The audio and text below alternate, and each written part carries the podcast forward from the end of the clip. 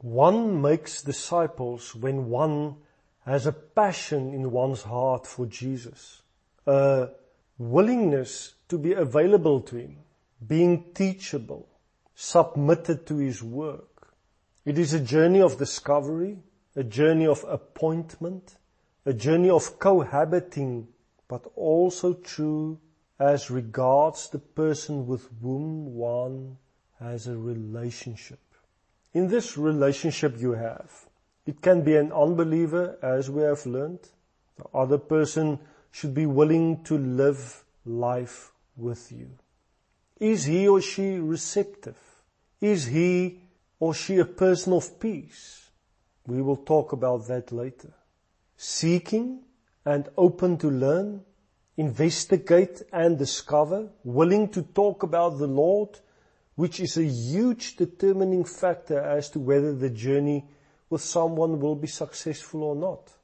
You cannot teach people spiritual truth against their will. Discipleship is the submission of one's will to another person's will in order to be discipled. It is not a series of lessons in a classroom where only information is communicated. Forgive me for saying it over and over again, but disciple making is not just sharing information, but the transformation of every aspect of one's life. So yes, in the process of discipling others, there is of course the sharing of information regarding the truth on an intellectual level. However, it is only the Father who gives revelation to a person. There are more than enough methods of making disciples out there. Methods that are being taught and preached about. While Father God are not given an opportunity to speak to the person personally.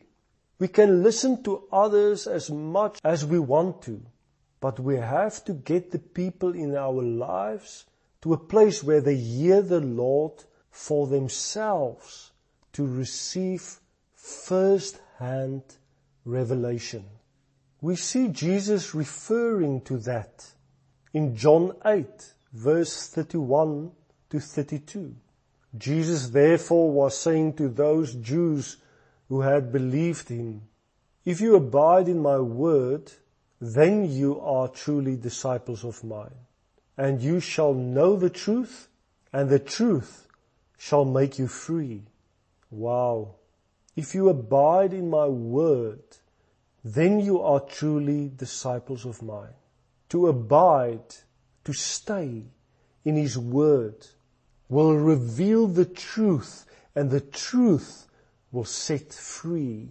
So discipleship and making disciples begins with a desire personally hear the voice of the Lord through the reading of His Word. So what I am really saying to you is God wants to reveal Himself personally to you and to the person with whom you are in a relationship. He does not want to teach dogma or doctrines. Listen carefully. The only place of true freedom in the universe is in hearing the voice of the Father. That voice that spoke and created with words. No human instruction, teaching course or preaching can free you. You will also not be free of any sins or addictions in your life if the Father does not speak to you personally about it. Others can try and do as much as they want to. Remember, as I said before, a sermon is actually second-hand revelation for those who listen to it. In a discipleship lifestyle in the kingdom that also makes disciples, freedom will come when the hearer goes directly to the Father to hear whether that which is preached is the truth. It is not to diminish teaching and preaching, but it is important to understand that the follower of Jesus must be brought to the Word of God personally, and he or she must test everything taught and preached against the truth of the Word.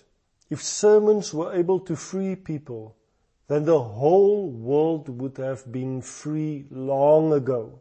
Because so many people sit in churches and listen to sermons Sunday after Sunday, but few are free.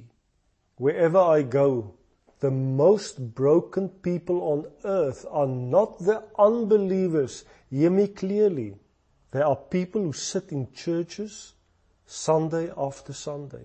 Only God's voice can free you when you hear it. That is why you must spend time in His Word. Sermons may bring theological knowledge to your mind, and that is good but it is one of the most ineffective ways of disciple making. Do not think you are going to be made a disciple or get someone else discipled by listening all the time to teaching courses and sermons. I know that doctrines and dogmas are important, but that is the reason why there are so many different denominations.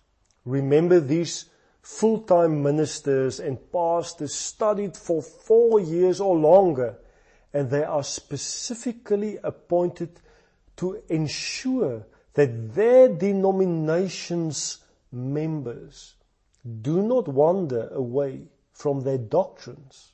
But the reason why Jesus came to the earth was, in the first place, not to only teach, but to be a revelation of Father God to humanity, a revelation of his heart.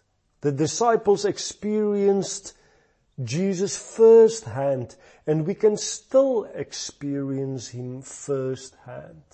Therefore, it is not your task or that of church leaders to correct people. The Holy Spirit will lead everyone in the truth as long as they read the Word of God. The problem, often in smaller groups, is not that the word is read and that people say what they hear from the Lord.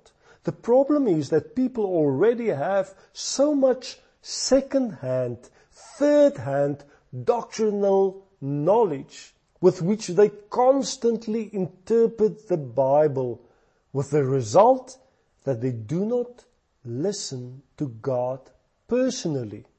No, they do not. They are caught up in the doctrines of how people previously decided how the Bible should be read and interpreted. I am not saying that doctrines are not important, but to teach only that gives no guarantee of permanent changes in lifestyle and is not disciple making in nature. Changes in lifestyle begin with the renewal of your mind, but that is only the beginning of the process. Genuine life changes only take place when spirit, soul and body in unity are submitted and involved in the atmosphere of first hand revelation.